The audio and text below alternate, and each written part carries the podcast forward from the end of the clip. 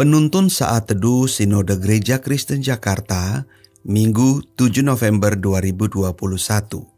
Bersyukur adalah setia kepadanya.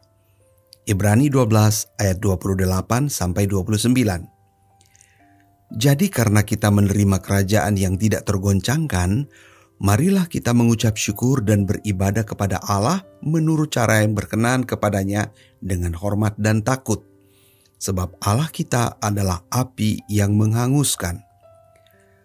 Beberapa waktu lalu, seorang peserta kelas SMK 1 mengajukan pertanyaan kepada saya demikian.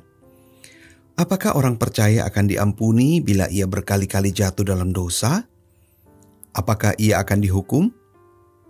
Bersyukur karena pertanyaan ini diajukan oleh seorang Kristen yang baru percaya dan sedang belajar memahami kebenaran firman. Jika ditelusuri baik-baik, kita akan menemukan bahwa pertanyaan ini merupakan sebuah ungkapan yang dipengaruhi oleh rasa takut atas hukuman kekal. Jelas bahwa pertanyaan ini tidak didasarkan atas kasihnya kepada Tuhan.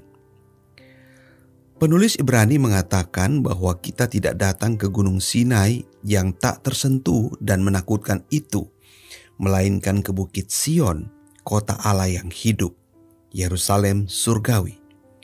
Di Bukit Sion kita bersekutu dengan beribu-ribu malaikat, jemaat anak-anak sulung, dan saudara-saudari di dalam Tuhan.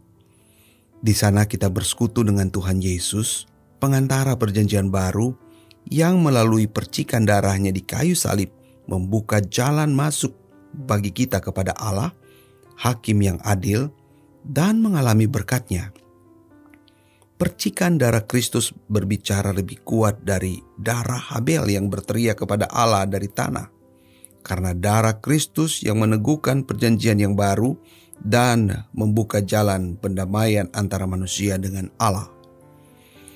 Marilah kita belajar mengucapkan syukur dan beribadah kepada Allah dengan cara yang berkenan kepadanya, dengan hormat dan takut tapi bukan hormat dan takut seperti orang yang takut dihukum atau takut tidak diberkati, melainkan sebagai sebuah wujud dari kesadaran tentang siapa diri kita yang sebenarnya di hadapan Allah.